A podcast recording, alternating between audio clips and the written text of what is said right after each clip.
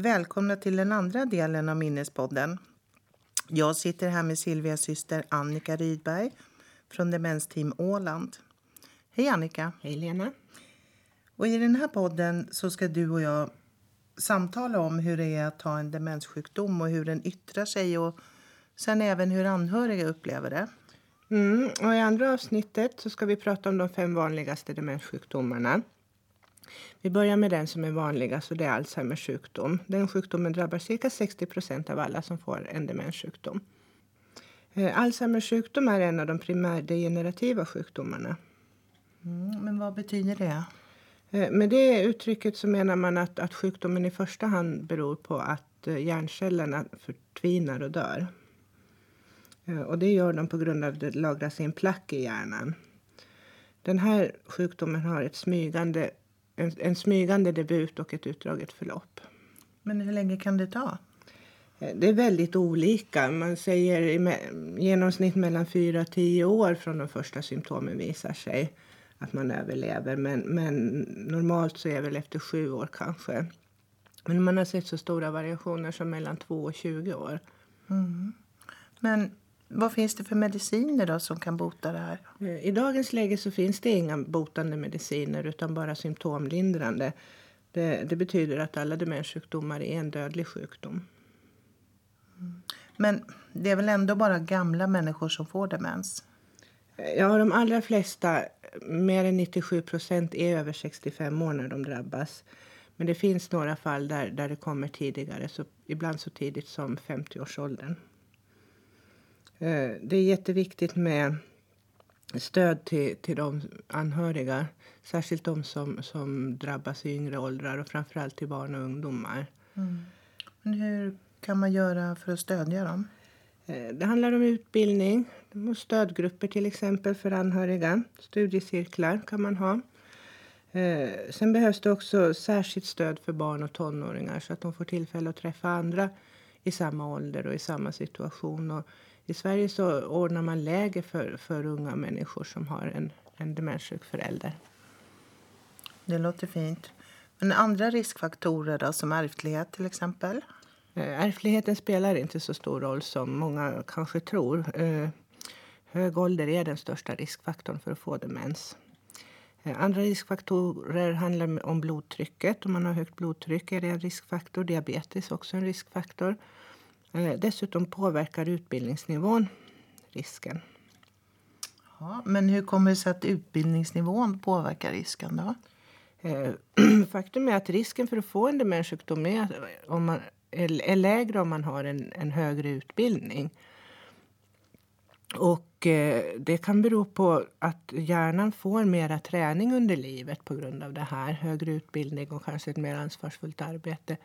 Eh, tyvärr så visar det sig också att, att eh, det kan bidra till demensutveckling i vissa fall eftersom stress ofta ger demenssymptom. Mm. Men hur kan man misstänka att det är någon som har drabbats? Jag menar, vilka symptom kan man få? Eh, grundsymptomet för Alzheimers sjukdom är ju att minnet blir påverkat. och att de här minnesproblemen förvärras över tid. Eh, och det drabbar framförallt närminnet men även andra kognitiva funktioner försämras. Men vilka kognitiva funktioner menar du då? Eh, det handlar om språket. Det försämras, både det som personen talar själv och möjligheten eller förmågan att uppfatta och förstå vad andra säger. Eh, koncentrationen påverkas väldigt mycket. Sen får man också svårigheter med att organisera och planera sin vardag till exempel eh, svårt med abstrakt tänkande eller att dra konsekvensen av vad man gör eller säger. Eh, och så ser man ju väldigt ofta beteendeförändringar och det påverkar både sömnen, ens matvanor, hur man klär sig och vad man har för intressen. Mm. Men är demens en psykisk sjukdom? Nej, eh, demens beror på en förvärvad hjärnskada. Eh, men det är inte ovanligt att man får psykiska problem som en följd av demenssjukdomen. Mm. Vilka problem kan det vara? Ja, det är psykiska symptom som depression, hallucinationer till exempel, att man ser saker som inte finns. Eh, vanföreställningar, man får en väldigt låg stresströskel. Eh, man kan bli lite utåtagerande eller orolig. Och det här beror väldigt ofta på att man har en känsla av att man förlorar kontrollen över sitt liv. Förstår de närstående att deras anhöriga har drabbats? Ja, jag tror att i början så är det nog många som tror att det hela beror på ett naturligt åldrande. Men så småningom när symptomen blir värre och värre så då inser man nog att allt inte står rätt till. Eh, och det är lite synd faktiskt för att ju tidigare man kan få sin diagnos eh, desto fler goda år kan man få om man får då rätt behandling och demensläkemedel. Men skulle du kort kunna beskriva då hur symptomen blir när sjukdomen förvärras? Ja, vi pratar om framförallt de fyra A. Och det är amnesi, det är minnesförlusten. Afasi, problem med språket. Sen har vi agnosi som, som innebär att man har svårt att känna igen föremål eller till exempel människor. Medan det fjärde A står för apraxi och det innebär en oförmåga att utföra viljestyrda rörelser. Och alla de här symptomen kommer så småningom att förvärras vartefter sjukdomen blir sämre. Eh, också orienteringen både i tiden och plats och rum påverkas så att, att man vänder upp och ner på dygnet och man hittar inte varken eh, hem utifrån eller till, kanske inte ens inne i sitt hem. Eh, man vet inte var man är någonstans. Man förlorar helt enkelt orienteringen. Man får problem med praktiska saker som vanliga vardagssysslor och sådär. Det är svårt att sköta sin personliga hygien. Mycket beroende på att minnet då försämras. Man kanske tror att man har gjort någonting som man i verkligheten inte har gjort. Eh, så småningom blir också fysiken försvagad. Då, då drabbas man ju av rörelsenedsättningar. Man får svårt att gå, sätta sig och resa sig. Och, och småningom blir man ju sängliggande. och man brukar säga att man antingen avlider av sin demens eller i sin demens. Mm. Av sin demens eller i demens, vad är det för skillnad? Eh, skillnaden är ju den att, att om man avlider av sin demens då avlider man på grund av att ens förmågor sakta tynar bort. Och man avlider vanligtvis lugnt och stilla. Då. Men om man avlider i sin demens då menar man att, att man avlider av andra tillstånd som till, till exempel en infektion eh, som en hjärtsjukdom eller till exempel ett benbrott efter ett fall. Men hur kommer det sig att man kan dö av ett benbrott? Eh, det hör ihop med rehabiliteringen. Den blir jättesvår när det gäller demenssjuka personer. Det är jättesvårt att motivera dem eh, eftersom rehabiliteringen trots allt innebär en del smärta och obehag för patienten. Och har man ens till och med glömt bort att man har ramlat och brutit sig så, så blir det jättesvårt att motivera de här personerna till varför de ska utstå mm. någonting som är obehagligt. Men finns det någonting som man kan göra för att underlätta rehabiliteringen? Det är viktigt att, att, personalen som är involverad i rehabiliteringen har förståelse för de specifika problem man har när man är demenssjuk. Och att man har insikt i ett bra bemötande och hur man kan motivera. Men sen kan man ju också ha, ta hjälp av en vårdhund. Men hur kan en hund vara en del av rehabiliteringen? Ja, om man, om man inte vill eh, följa sjukgymnastens råd och utsätta sig för smärta, vård, obehag så kanske man ändå tycker om djur och blir, blir glad om man får stå och klappa eller kamma en hund. Och jag har hört eh, berättas om, om, om, personer som har gjort just det och varit väldigt glada och tacksamma efteråt att de, att de fick vara med hunden istället för att gå till den där jobbiga träningen som, som de egentligen skulle ha gjort utan att kanske själva ens förstå att det var just, det var mm. just träning de gjorde. Ja, vad fint. Mm. Men hur länge kan en person med demens bo kvar hemma? Det är jätteindividuellt och det beror ju mycket på vilken hjälp man kan få och hur mycket hjälp man kan få. Eh, antingen av, närstående då eller om det finns hemtjänstpersonal som är särskilt utbildad i att ta hand om personer som har en demenssjukdom. Eh, så småningom så måste man flytta. Det brukar ju ske någon gång i, i den medelsvåra fasen då. Eh, mot slutet kanske. Och då är det viktigt att man får flytta till ett boende där personalen har utbildning i demensomvårdnad och och tillgång till handledning. Men ännu viktigare är att personalen har personlig fallenhet. Men hur menar du då med personlig fallenhet? Ja, för att klara av att arbeta på en demensavdelning så behöver man ha en verklig vilja att vårda så att man inte bara jobbar för lönen.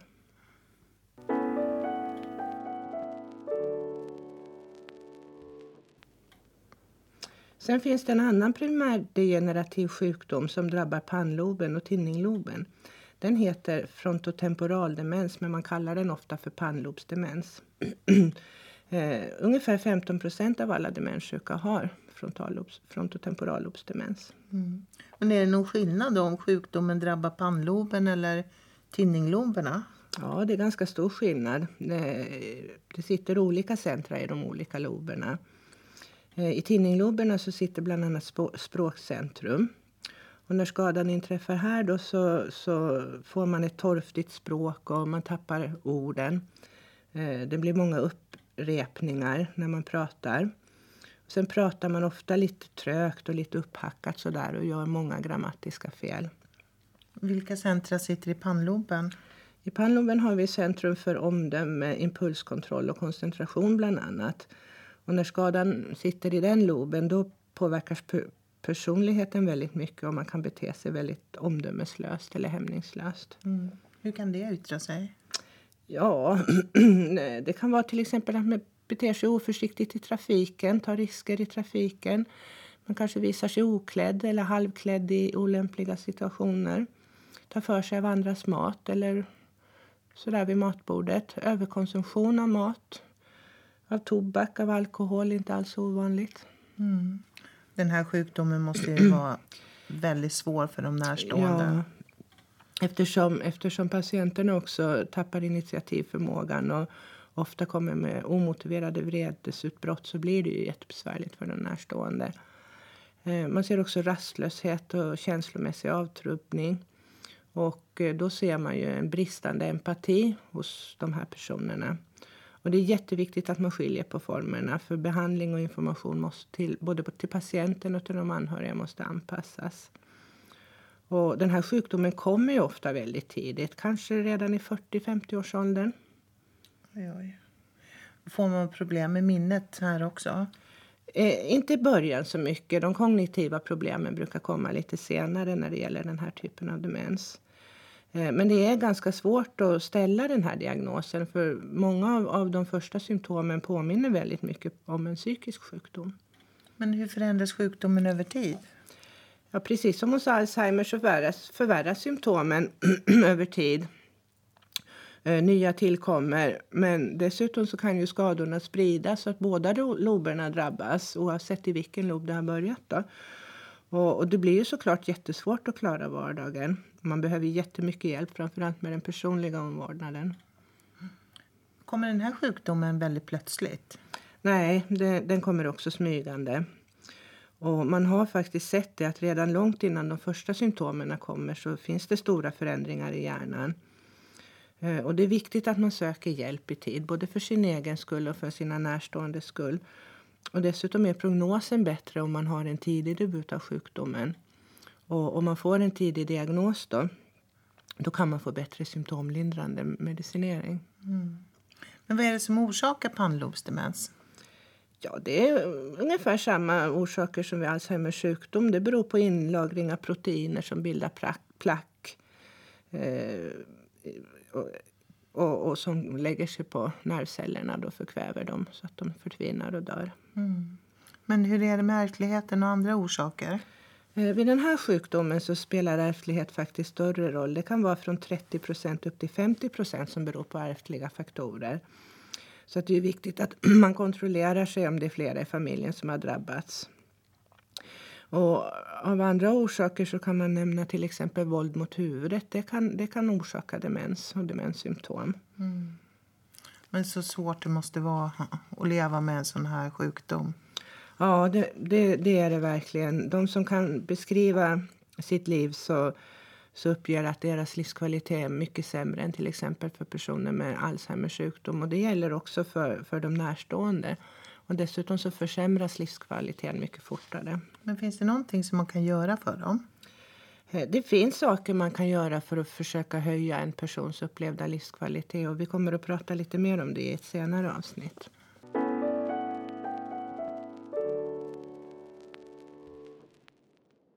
Den tredje och fjärde sjukdomen som vi ska prata om räknas också till de primärdegenerativa. Och det är Levis kroppsdemens och Parkinsons med demens. Men varför tar vi upp de här två sjukdomarna samtidigt nu? Därför att de är, har både likheter och olikheter. Och det är jätteviktigt att skilja dem åt för att de kräver helt olika behandling. Men vad är det som orsakar de här sjukdomarna? Vid de här sjukdomarna så drabbas hjärnan av eh, små kroppar av protein som samlas i hjärnan. Och de här kropparna de stör de kognitiva funktionerna. Eh, när det gäller Levis kroppsdemens så har man ju känt till att det är en egen sjukdom bara sedan slutet av 80-talet som, som man förstod att det är en skild sjukdom. Utan innan dess så trodde man fortfarande att det var Parkinsons sjukdom. Mm. Den här Levis sjukdom, är den ovanlig? Man har nog trott det eftersom det har varit så svårt att ställa diagnosen. Men nu uppskattar man att det är mellan 15 och 20 procent av alla demenssjuka som har den. Men varför är det så svårt att ställa en diagnos på just den här sjukdomen? Eh, därför att leviskropparna ser man bara vid en obduktion av hjärnan. Mm. Men vad var det som hände då när man förstod att det var en särskild sjukdom och inte Parkinsons? Ja, det var ju då som sagt i slutet på 80-talet som man förstod att leverkropparna även orsakade, orsakade kognitiva symptom. Eh, och då insåg man att det var två olika sjukdomar. Men hur kan man skilja den då från Parkinsons med demens? Eh, för att det ska vara en leviskroppsdemens så ska man se att de motoriska och de kognitiva symptomen kommer samtidigt. Om det är Parkinson-demens då kommer de motoriska symptomen minst ett år innan de kognitiva uppträder. Mm. Hur vanligt är det med Parkinson-demens? Den är ganska ovanlig. Mellan 1,2 upp till 3 procent bara har, som har den sjukdomen. Mm. Och vad är det som orsakar just den? Eh, Parkinson orsakas ju av att eh, signalsubstansen dopamin sjunker i hjärnan. Och det beror på att antalet nervceller som producerar den här signalsubstansen minskar gradvis. Men orsaken till varför de minskar, det vet man inte. Är den här sjukdomen dödlig? Ja, man ser att eh, Parkinson-patienter har något kortare eh, levnadsålder än, än genomsnittet. Men oftast avlider man av följderna. Och allra vanligast är lunginflammation. Mm. Men vilka är det som drabbas av Parkinson-demens? Hälften av de drabbade är äldre än 70 år när de drabbas. Och den är väldigt ovanlig före 50-årsåldern. Eh, och man ser att det är något fler män än kvinnor som drabbas av Parkinson. Mm. Men hur vanligt är det att personer med Parkinsons får demens? Ungefär 40 procent av alla Parkinson-patienter brukar eh, drabbas av en kognitiv svikt. Mm. Men vilka symptom får man då när man har Levis sjukdom? Det allra tidigaste symptomet är störd drömsömn och att man drömmer väldigt eh, livliga drömmar och, och, lever ut sin dröm i sömnen. Man ropar och man fäktar. Eh, sen får man också svårigheter med uppmärksamheten. Eh, man får svårt med rumsuppfattningen och drabbas av en väldigt påtaglig trötthet. Eh, man får svårt att bedöma avstånd, till exempel svårt med stereoseendet. Och synhallucinationer är väldigt vanligt. Eh, och eh, de har också problem med ortostatiskt blodtryck. Mm. Hur, gamla, eller hur gammal kan man vara då i regel när de första symptomen visar sig? Ja, de brukar visa sig någon gång mellan 50 och 80 år. Sådär. Mm. Är det ett långsamt förlopp? Eller? Ja, det kan man nog säga. För de första symptomen, de som har med sömnen att göra, de brukar visa sig långt innan de övriga symptomen som till exempel synhallucinationerna. Men vad kan det vara för sorts hallucinationer? Ja, det kan vara vad som helst egentligen som man ser. Någonting som är lite skrämmande eller obehagligt sådär. Mm. Eh, man är, det värsta är ju, och det är ju det som ger så låg livskvalitet också, att man är ju medveten om att man hallucinerar. Men man kan ändå inte göra någonting åt det själv. Och det här skapar en väldigt stark ångest hos de här patienterna. Mm. Men är det samma här då med minnesproblem som andra demenssjukdomar? Nej, eh, också, också för Levis kroppspatienter så kommer minnesproblemen lite senare i sjukdomen. Eh, och man har heller inte så stora problem med orienteringen. Men däremot har man då svårt att bedöma avstånd och man har svårt att uppfatta saker tredimensionellt. Men hur fungerar det? Vad är det som händer då? Det är ju stereoseendet som är påverkat. Och det betyder att om man till exempel sträcker ut handen för att ta ett glas så, så missar man det. Eller man stöter omkull det till exempel. Eller man kanske sätter sig på sidan om stolen. Det blir också väldigt svårt då när man ska gå i trappor.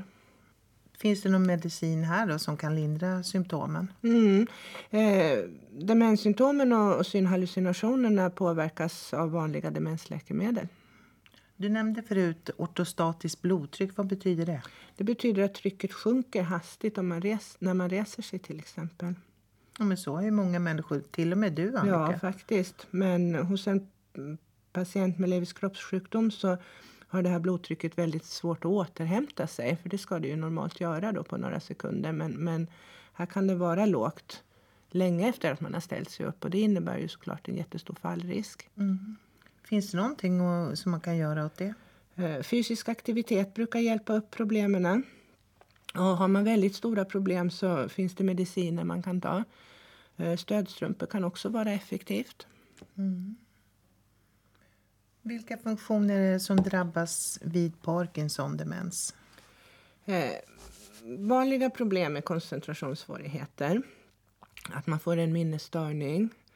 Eh, man får en brist på energi också. Eh, sen påverkas den exekutiva förmågan. Den försämras.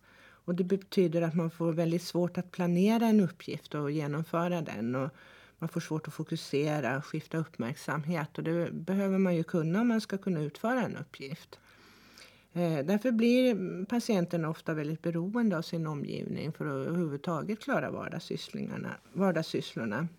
Eh, Och också de här patienterna drabbas av beteendestörningar och till exempel hallucinationer. Påverkas minnet här då? Ja, men inte lika mycket som vid Alzheimers sjukdom. Och framförallt så påverkas inte nyinlärningen lika mycket. Eh, och, och för de här beteendestörningarna och hallucinationerna som uppstår ibland så, så är information och förklaring till beteendet eh, det bästa för, för den drabbade och hans eh, närstående för att lindra påfrestningarna.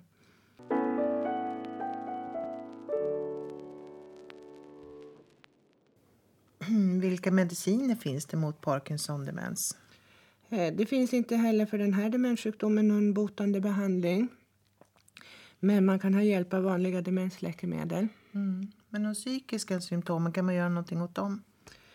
Eh, om patienten är förvirrad eller har någon annan typ av psykotiska eh, tillstånd så får man börja med att försöka utesluta eller behandla sjukdomar som kan ligga bakom. Och sen finns det också läkemedel som, som ger såna här symptom. Och om det går så måste man försöka minska eller sluta med de medicinerna. Då.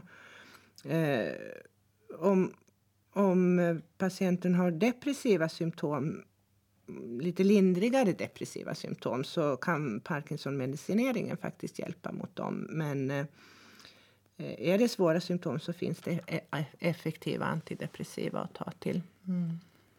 Men livskvaliteten för personer som har Levis sjukdom, hur är den? Eh, enligt en undersökning som professor Elisabeth Londos vid Lunds universitet har gjort så uppger de här patienterna att de upplever sin livskvalitet som sämre än döden. Och eh, mycket sämre än, än de som till exempel har Alzheimers sjukdom eller Parkinson-demens. Så det här gäller även för de närstående. Men hur kan man ställa diagnosen? Ja, det är ju som sagt var väldigt svårt. Man kan egentligen inte ställa en säker diagnos utan obduktion så att man får gå efter någonting som man kallar för diagnoskriterier. Som är? Ja, det som måste finnas för att man ens ska börja misstänka Levis kroppssjukdom så en eh, fortskridande nedsättning av alla kognitiva funktioner. Då. Och eh, som medför en allvarlig social och yrkesmässig funktionsförsämring. Och det måste ju verkligen påverka det sociala livet. Ja, det gör det ju i hög grad. eh, sen finns det ju också ska det också finnas framträngande och påträngande minnesstörningar som ju i och för sig inte kommer då förrän sjukdomen har utvecklats lite grann. Eh, om man gör tester så, så har de här patienterna svårt med tester som mäter uppmärksamhet. Och man ser också att de får förändringar i sina känslor, i sitt känsloliv. Eh, de får ett förändrat rörelsemönster. Eh, och och eh, får så, som sagt problem med avståndsbedömning och tredimensionellt seende. Och de här problemen kan vara väldigt framträdande. Mm. Är det någonting annat än det som man tittar efter? Ja, det finns tre stödkriterier och man ska ha ett eller två av dem. Och har man två då, då säger man att det troligen är Levis kroppssjukdom och är det bara ett så är det en möjlig Levis kroppssjukdom. Um, ehm, uh, eh, till exempel om man ser varierande medvetandegrad mm, när det finns variationer som är betydande i uppmärksamhet och vakenhet. Men vad menas med en varierande medvetandegrad? Eh, om personen verkar lite frånvarande av och till eller disträ då talar man om en varierande medvetandegrad. Eh, annars ska man se återkommande synhallucinationer. Och, och, det är väldigt typiskt för de här hallucinationerna att de är väl gestaltade och väldigt detaljerade också. Eller patienten beskriver sina hallucinationer väldigt mm. detaljerat. Mm. Och det tredje stödkriteriet det är spontana symptom på parkinsonism. Alltså skakningar och hasningar och stelhet och så. Mm. Är det mer som kan hjälpa till att ställa diagnosen? Ja, man försöker också titta efter om personen har en hög falltendens eller om han eller hon får attacker av svimningskänsla eller till exempel yrsel. Medvetandeförlust som går över av sig själv. Eh, om personen visar sig vara väldigt känslig mot neuroleptika eller om personen har vanföreställningar. Och då kan man vara ganska säker på att det är en Levis kroppssjukdom det handlar om. Mm. Men det där som vi pratade om i början, de små kropparna i hjärnan. Vad handlar det om? Eh, Leviskropparna består av ett skadligt protein som heter alfa-synuklein. Och det här proteinet kan finnas både i hjärnbarken och hjärnstammen och det kan faktiskt finnas i delar av, av eh, nervsystemet också.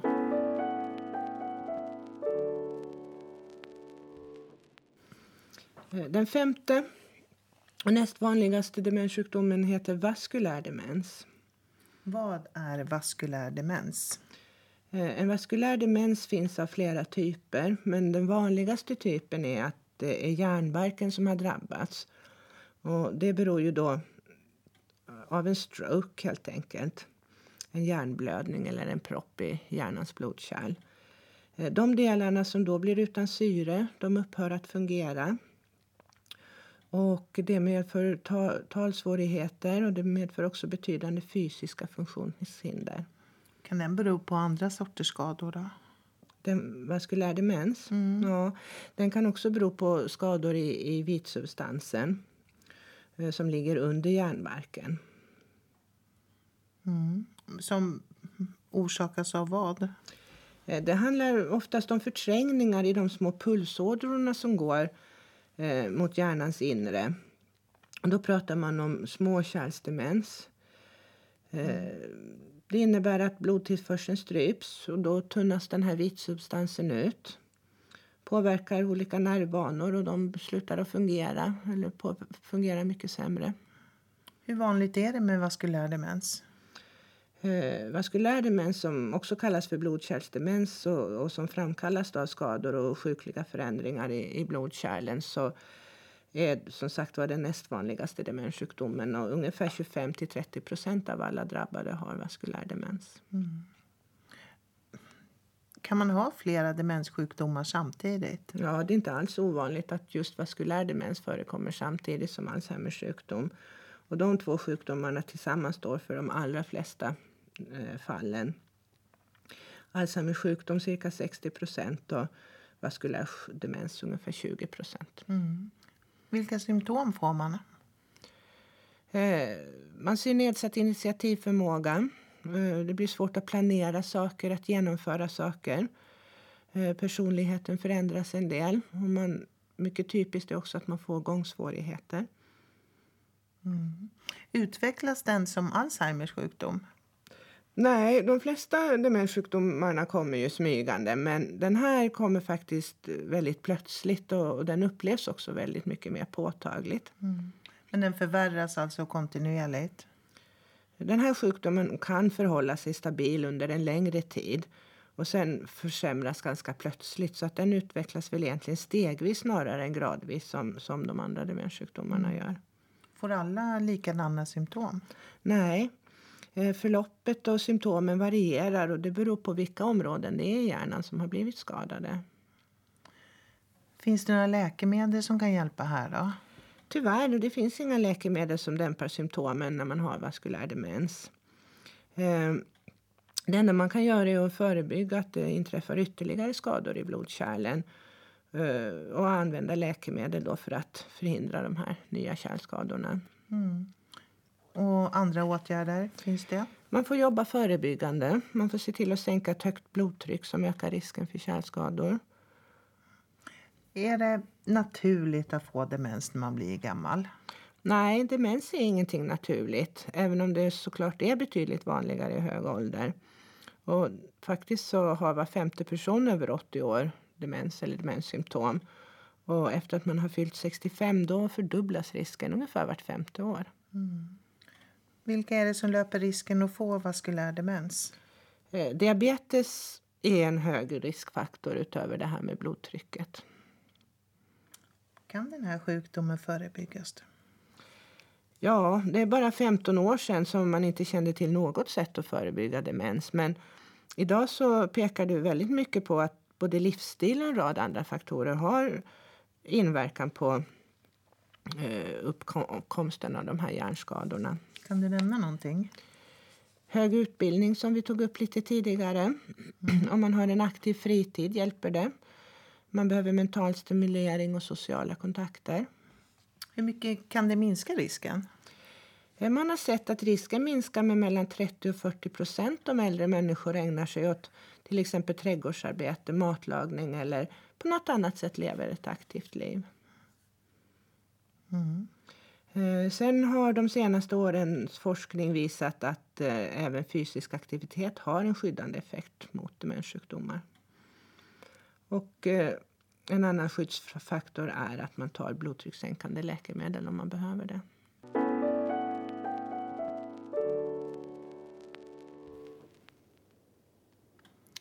Eh, jag har hört talas om att människor har blivit friska från demens. Kan det stämma? Det kan stämma, men i så fall så har det rört sig om en så kallad sekundär demenssjukdom. Men vad menas med det? En sekundär demenssjukdom det är ett tillstånd som ger demenssymptom men som är botbara. Mm. Men vad kan det vara för tillstånd? Eh, en vanlig orsak är brist på vitaminet B12. Eller också att man har problem till exempel med sköldkörteln. Mm. Gäller det över eller underproduktion? Det är faktiskt både och. Både överproduktion och underproduktion av, av sköldkörteln kan ge demenssymptom. Eh, sen finns det någonting som heter normaltryckshydrocefalus och det brukar man säga vattenskalle då på svenska. Det ger demenssymptom. Olika läkemedel gör det. Infektioner som hiv eller herpes och andra infektioner. Drogmissbruk, alkoholmissbruk. Eh, sen kan man ju också få demenssymptom av ett skalltrauma eller till exempel en hjärntumör. Och eh, när vi hörs nästa gång då ska vi gå lite närmare in på vilka läkemedel och andra behandlingar som är lämpliga för personer som drabbas av en demenssjukdom. Tack för den här gången Annika. Och vi ser fram emot att få återkomma med fler frågor och svar. Och är det så att du som lyssnar har några egna frågor så är du välkommen att skicka dem till minnespodden at alandsradio.ax. Hej då!